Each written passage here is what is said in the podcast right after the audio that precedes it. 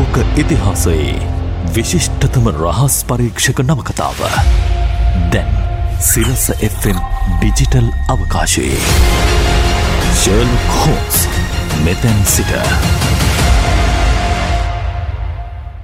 ද සොලිටරි cyclist නම් වූ Sherlock Holmes කෙටිකතා වැසුරින් ආනන්ද අමරසිරි සිරසට රචනා කරයි සංගීත ගුරුවරිය.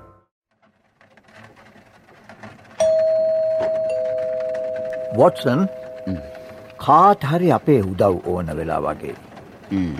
ඒත් මේ දවස්වල නම් මට වෙන කටයුත්තකට හිතයොදවන්න අමාරු. මගේ මිත්‍ර ජෝන් වින්සන් හාඩන්ගේ ප්‍රශ්නය විසඳල දෙන්න ම මේ දවසල උත්සාහ කරන. ඒත් කමක් නෑ ගින් බලන්න කවුද කියලා ඉන්න මම ගිහින් බලන්න. සුබ සැන්දෑවක් ඔබට සුබ සැන්දෑවක්. ඔබ කවුරු මුණ ගැහෙන්නද මෙයාවේ. මගේ නම වයිලට් ස්මිත් මම ආවේ මිට. හෝම්ස් මුණ ගැහෙන්න. බොහෝම වැදගත් කාරණයක් ගැන මට ඔහුත් එක කතා කරන්න තියෙනවා. එන්න ඇතුළට මිට. හෝම්ස් ඇතුළ ඉන්නවා. හොඳයි. හෝම්ස් ඔබ මොන ගැහන්න මිස් වයිලට් ස්මිත් කියලා කෙනෙක් ඇවිත්තින්නවා. ආ එහෙමද ඔහම ඉඳගන්න කියන්නකෝ මං මිනිත්තුවෙන් එනවා ඔබ මිට. හෝම්ස්ගේ සේවේ බලාපොරොත්තුවෙන් ආවනං මම හිතන්නේ නෑ ඒ සේවේ ලබාගන්න පුළුවන් වෙයි කියලා. මෙදවස්සල හු ලොකු ප්‍රශ්නයකට අත ගහලයි තියෙන්නේ. ආ මම ප්‍රමාධූනේ නැහැනේ මොකක්ද මේ නෝනගේ නම කිව්වේ මම වයිලට් ස්මිත් ආ බෝම සන්තෝසයි මේ හැන්දෑවේ ඔබ වගේ තරුණ ලස්සන කාන්තාවත් දකිින්ට ලැබීම. වොටසන් මගේ හිත වෙනස් වනා වොටසන්. මම හිතා හිතී කිසිම අලුත් වැඩක් බාර නොගන්න. ඇත් මේ තරුණ නෝනා මාව මුණගැහෙන් දාපු කාරණය මොනවා වනත් මම එක ඉෂ්ට කල්ල දෙන්න තීරණය කළා. ඔබට බොහෝම ස්තුති මිස්ට හෝම්ස්. මම විසඳගන්න බැරි බර පතල ප්‍රශ්නකට මෝන තිීලයි ඉන්නේ.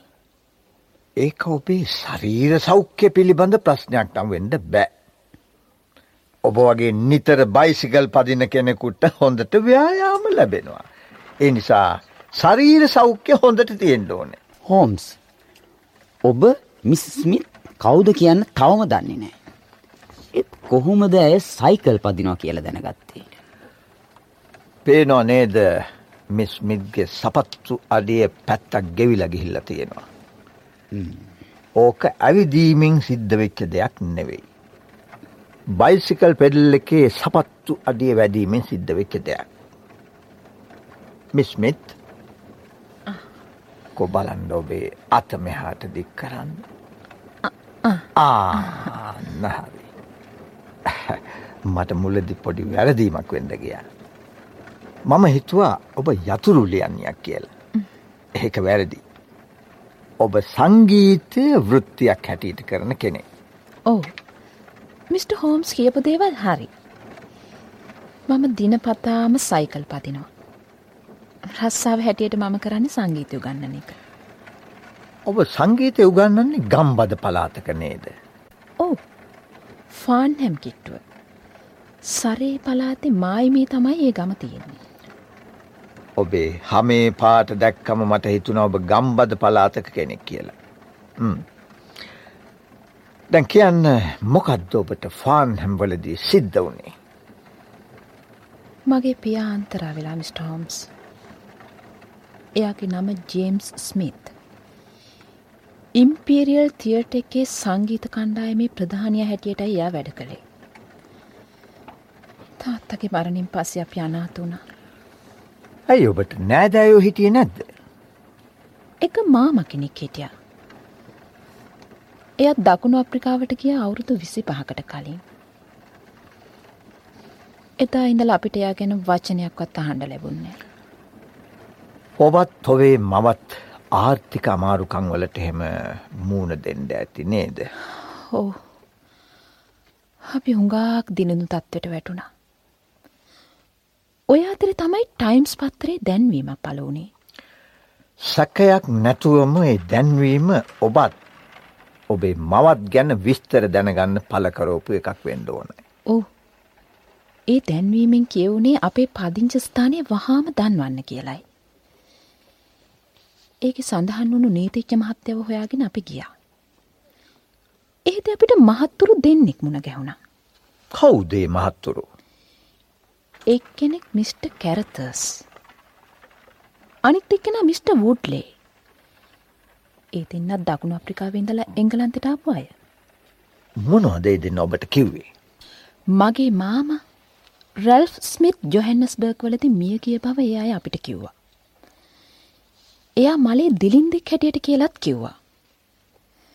මරණාසන්න මොහොතේදී තමන්ගේ ඥාතීන් ගැන හොයල බලලා උදව් කරන්න කියලා මාම ඒ යාලෝ දෙන්නගෙන් ඉල්ලීමක් කරලා තිබුණා.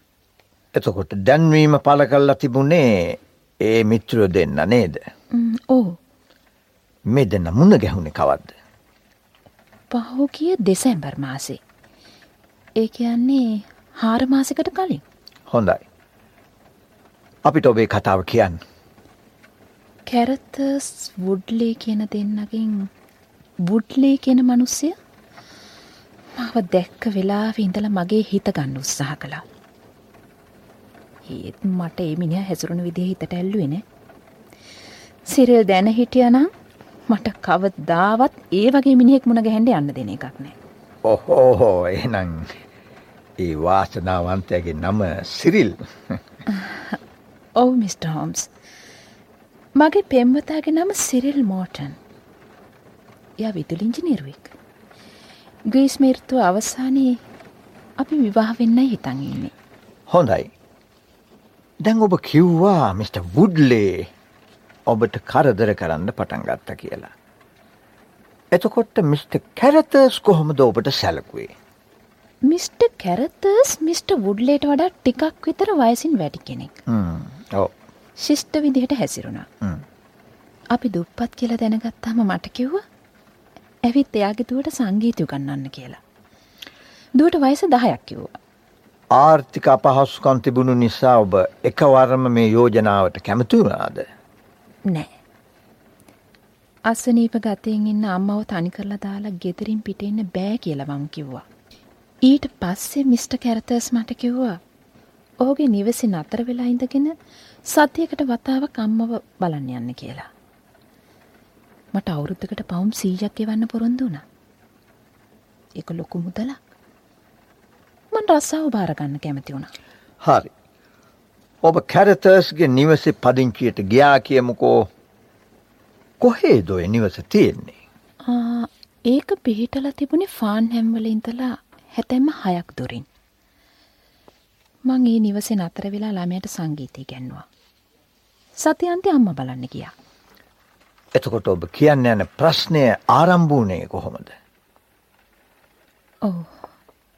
ඒක පටන්ගත්තේ අර මුලින් කියපු මිස්ට වුඩ්ලේ සතියක නිවාඩුවකට ඒ ගෙදරට ආවට පස්සේ. එමිනිිය මහක් ඇත්ත විදිහට හැසිරෙන්න්න පටන් ගත්තා. එයත් එක්ක විවාහවුනොත් මුළු බූතලේම මට දෙන්නම් කියලා කිව්වා. ලන්ඩන් වල තියෙන හොන්දම දියමන්ති අරන් දෙන්නම් කිව්වා. ඒත් මේ දේවල් වලින් ඔබට මානසික වදයක් මිසක් ශාරීරික හිරිහැරයක් වුණේ නෑ නේද. එක දවස්සක් රාත්‍රී කෑමින් පස්සේ ඒ තත්ත්ෙත් ඇතිවෙන්න ගියා. ඔය වුඩ්ලේ කියන මිනිහ මාව බලහත්කාරයෙන් වැළඳ ගන්න හැදවා. වාසනාවකට වගේ මිට. කැරතස් ඇවිත් මව බේරගත්තා. ඒ වෙලා ඇතිවුණු ආරවුලදී වුඩ්ලේ මිට. කැරතස්ට පහරදිලා ඇගේ මූනත්තු වල කලා. වුඩ්ලේ පිට වෙලා ගිය. හිට පස්සේ මංගේ මිනිහව දැක්කෙන. හොඳයි. එතනින් ඔබේ කරදර ඉවර වුණාද. නෑ හැම සෙනසුරාද දවසකම දවල් දොළහවෙන්න කලින් මම ෆාන්හැම් ස්ටේෂන් එකට යනවා.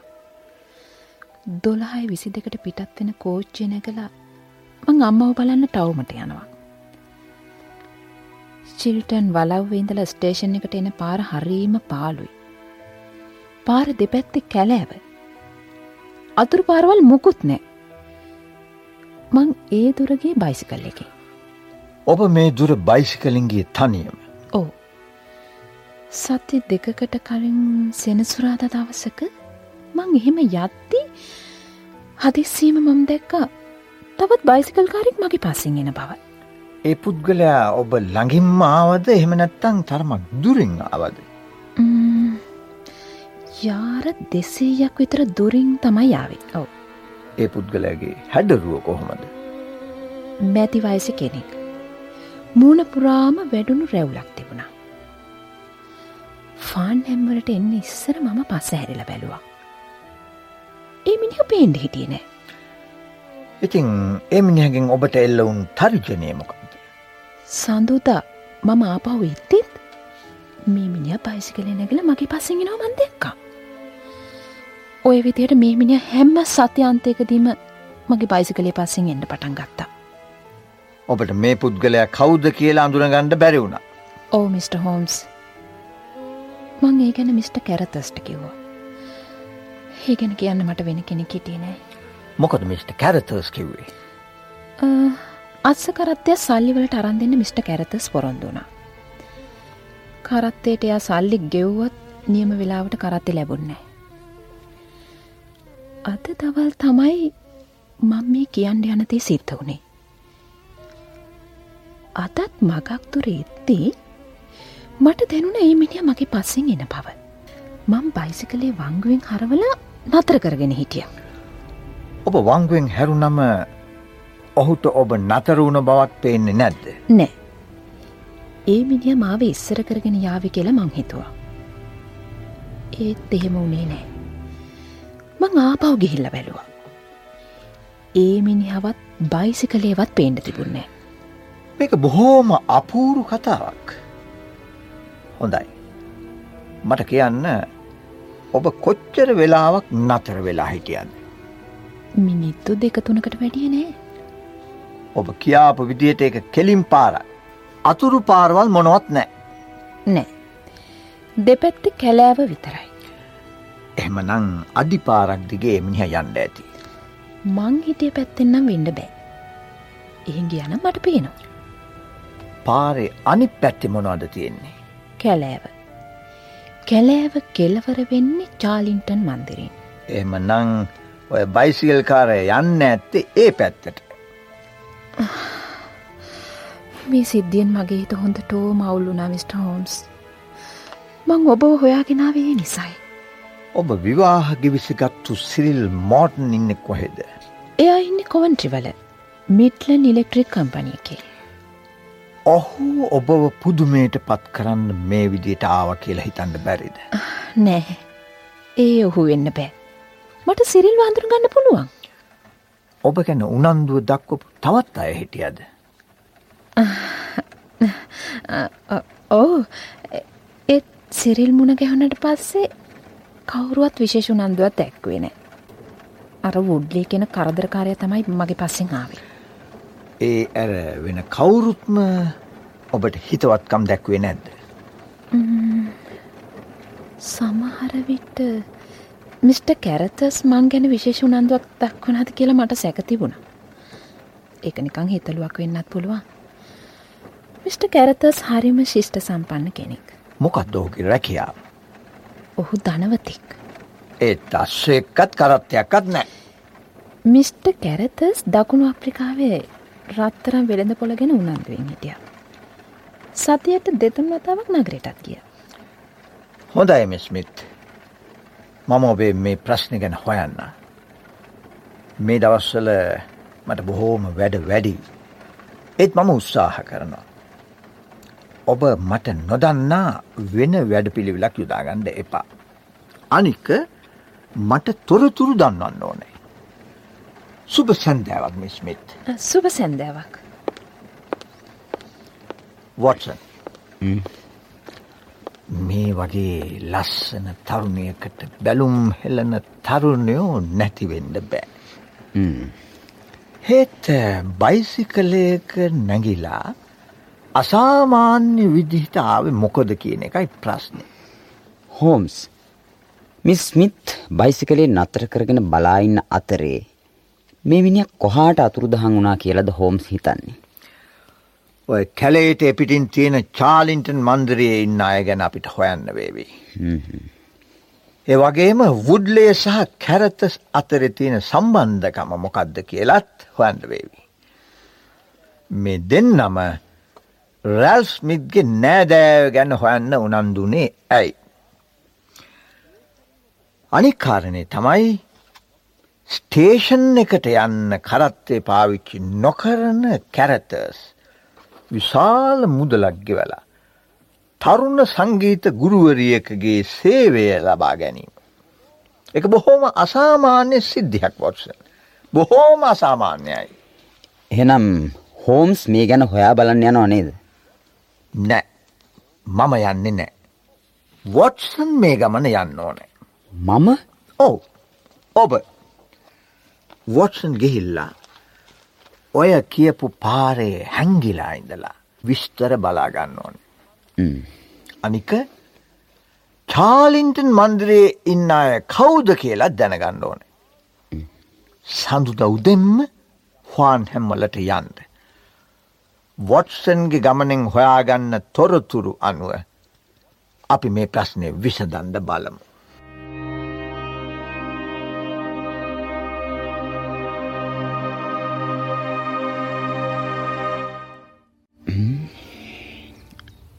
අර තියෙන්නේ චාලින්ටන් මන්දිරේ තමා. මේ පාර දෙපැත්තෙම කැලේ.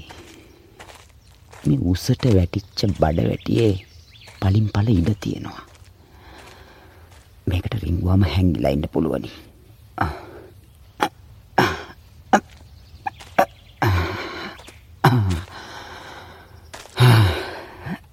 දැන් හරි. හර පැත්තෙන් තමා බයිසිකල් කාරය එන්න ඕනේ. ෂා හෝම්ස් මේ ගමනාව නම් කොච්චර හොඳද. අරෙන්නේ බයිසිකල් කාරය නේද.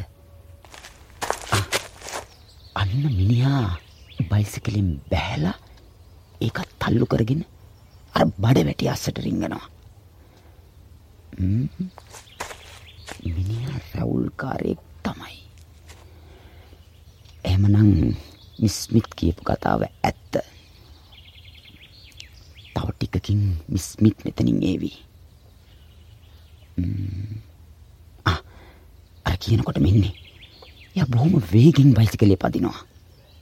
අන්න අන්න අර මිනිහත් එළියට ඇවිත් කඩිමුඩිය බයිසිකලෙට නැගලා පදිනවා. මිස්මිත් වේගෙ වැඩි කළා. නෑ නෑ නෑ. මිස්මිත් සයිකලේ හරවගෙන ආපහු වෙනවා. හරි වැඩේ. ඒ මිනිහා බයිසිකලේ හරවගෙන ආපහු පදිනවා. ආ මිනිහා වංගුවෙන් හැරුණා නේද? හරි. මිනිහා බඩ වැටි අස්සට රිංගලා ආයෙත් හැංගුණා. මිස්මිත් තරා පව් යන්නේ. දැම්ම කල්බල කරන්න නරකයි. තව ටිකක් බලා ඉන්න ඕනේ. අන්න රැවුල් කාරය එලියට එනවා. මිනිිය බයිසිකලේ නැගල යන්නේ චාලින්ටන් මන්දිරි පැත්තට. හරි දැන් තියෙන්නේ මේ මන්දිර ඉන්න අය ගැන හොයන එකයි. ඒක එච්චර අමාරුනෑ.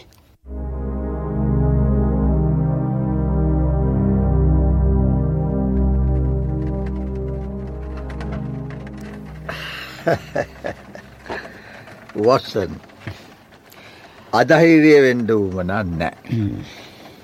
ඔබ හොයාගෙන තියෙන්නේ අපි දන්න දේවල්ම තමයි. ඒවන් එච්චර පලක් නෑ. චාලින්ටන් මන්දිරයේ ඉන්න කෞුද කියල ඔබ හොයාගත්තද. ගෙවල් බදු දෙන ආයතනයක් පෝල් මෝල් වල තියෙනවා. මං එතනින් විපරම් කලා. දැන්ඔය චාලින්ටන් මන්දිරේ කුලියට අරන් ඉන්නේ විලියම්සන් කියලා කෙනෙක්.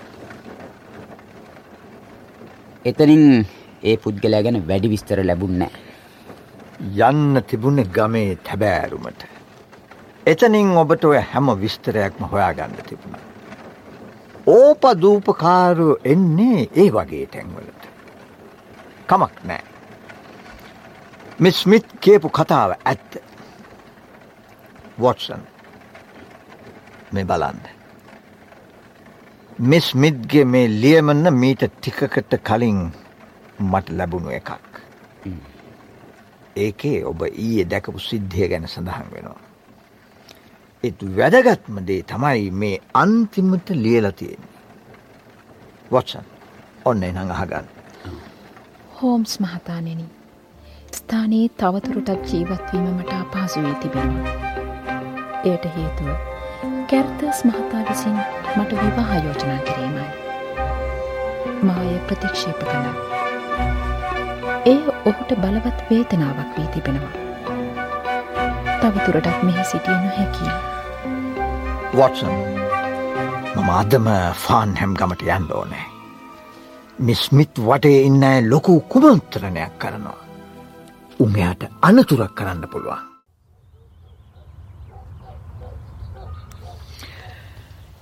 ලන්ඩන් නුවර කලබැගෑනින් ඈත් වෙලා මේ වගේ නිස්කලංක පලාතක දවසක් හරි ගත කරන එක ලොකු සහනයක් වොටසන් ඒක නං ඇත්ත. ඒත් හෝම් සෙදා තනියම මේ ගමට ඇවිල කරගත්තු දේ නිසා මූුණ කටත්තු අලුනානේද.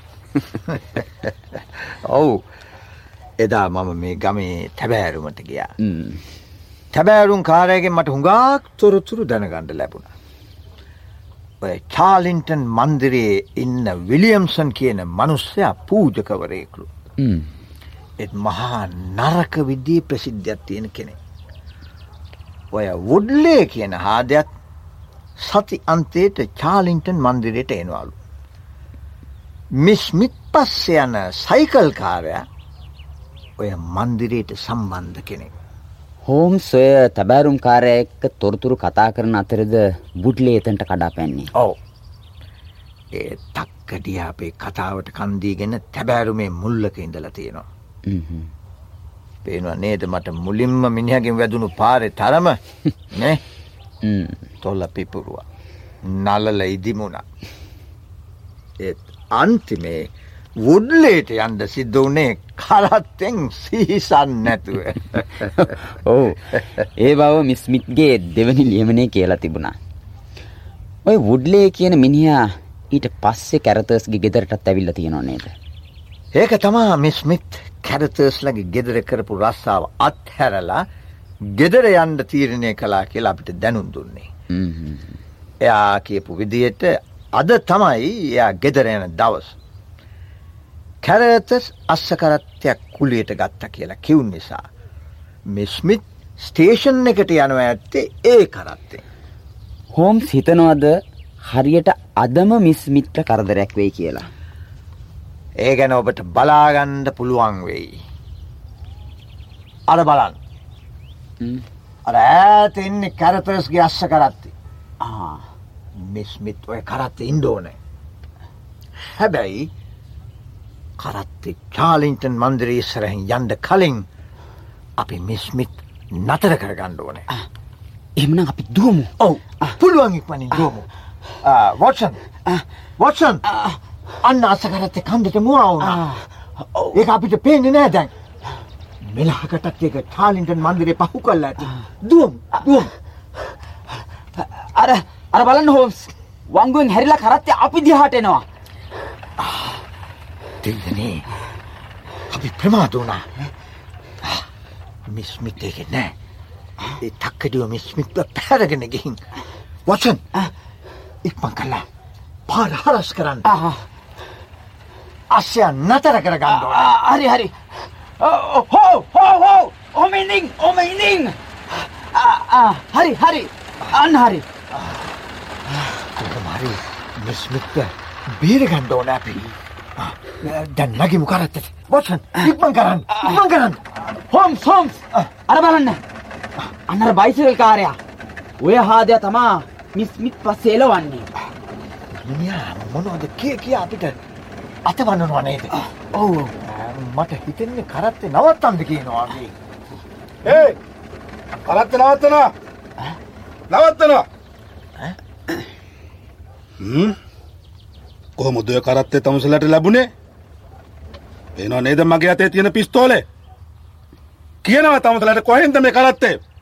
කරත්ත අපි හොරකං කළේ නෑ උන්න හේ අස්්‍ය කරත්තෙත් අදගෙන අපි දෙහාාවටාව. එක කවුරුවත් හිටිය නැහැ. අපිටත් තමුස එක්ක පොඩි ගණු දෙනුවක් තියෙනවා. කෝ මිස් වයිලස්මිත් ඔය කරත්තෙන් මගේ.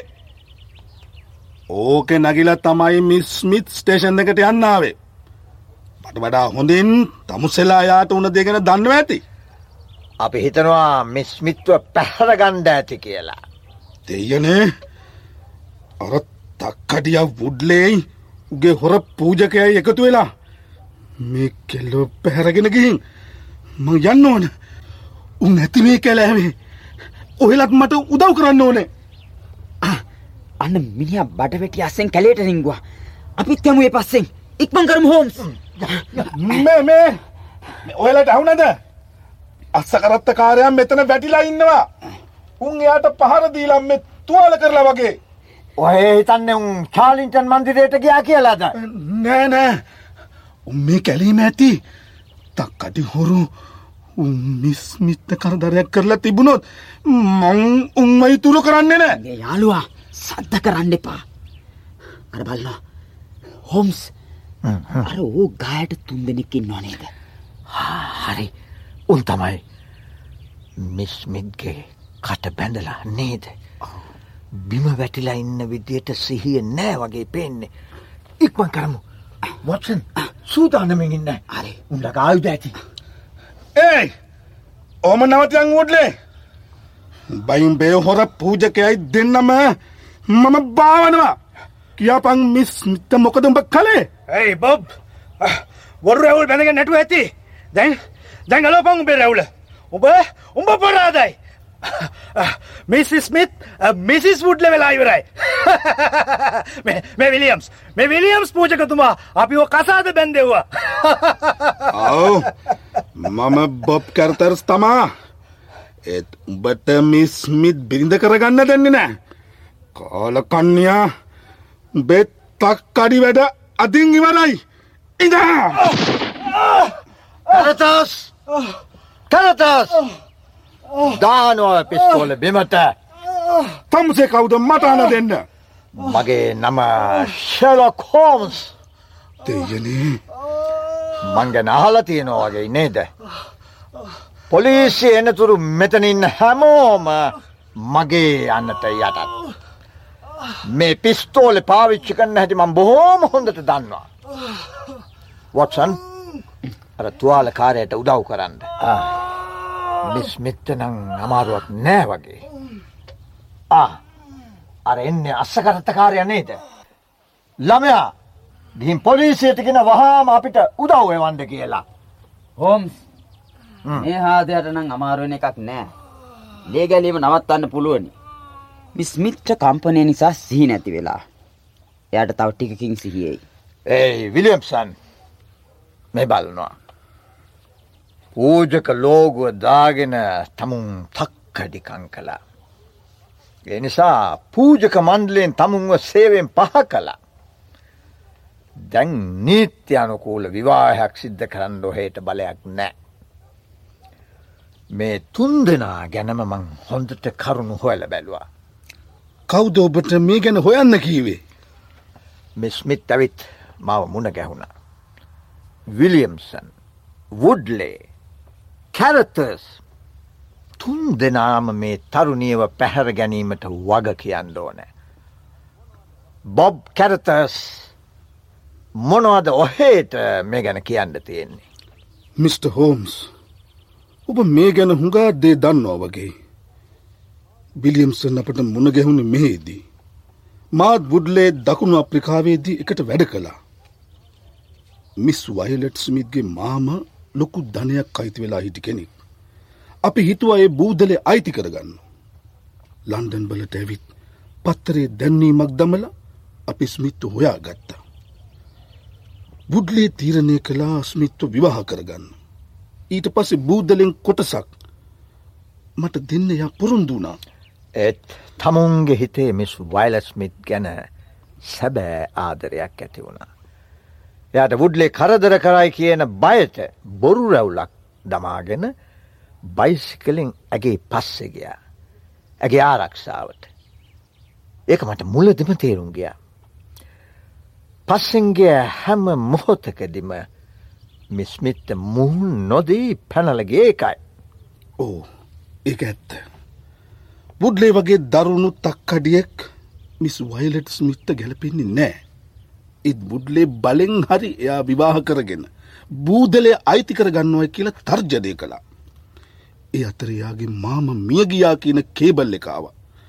පුඩ්ලේ තීරණය කලා කොහොම හරි ස්මිත්තු කසාද බඳින්න. මම තීරණය කලා එක වලක්කන්න. මිස්මිත් කල්තියා මට මේ අත්භූත බයිස්කල් කාරය ගැන දැනුන්දීපු එක හොඳට ගිය. ඔබටවත් වුඩ්ලේටවත් මිස්මිත් බිරිඳ කරගණ්ඩ ලැබෙන්නේ නෑ. මේක නිල බල්ලයක් නැති හොර පූජකෙක් සිදු කරපු විවාහයක්. වොටසන් මිස්මිත්ගේ පෙම්වතා සිරිල් මෝටන්ට පණවිඩයක් යවන්ඩ වේවි. හෝම්ස් අපට මේ වැඩේ ඉවරැක් කරන්න පුළුවනි. කොස්තාපල් මහත්තුරු තුන් දෙනෙක් මේ පැත්තට එනවා. කැරතර්ස් ඔහේ මිස්මිට්ට අවංක හැඟීමකින් ආදරය කරන්න ඇති කියලා මට හිතෙනවා. අර දරුණු මිනිහකින් මිස් වයිලස්මිත් බේරගන්න ඔබ වෙස්වලාගෙන මහන්සි වනේ ඒකයි. මේ වෙඩි තැබීම ඔබ කළෙත් ඒ නිසයි. ආත්ම ආරක්ෂාවට කරපු දෙයක් නිසා මගේ සාක්ෂය උසාවීදි දෙන්න මම සූදාන. එමනම් වොටසන් අපි තව දවසත් දෙකක් මේ ගම් පලාති ඇවිදලම ආපහු ලන්ඩන් වලට යමු. ජර්ලොක් හෝම්ස් සෑම අඟහරුවාදා සහ බ්‍රහස්පතින්දා දෙනකම සවස හතරට සිරස FM YouTube නාලිකාවොස්සේ.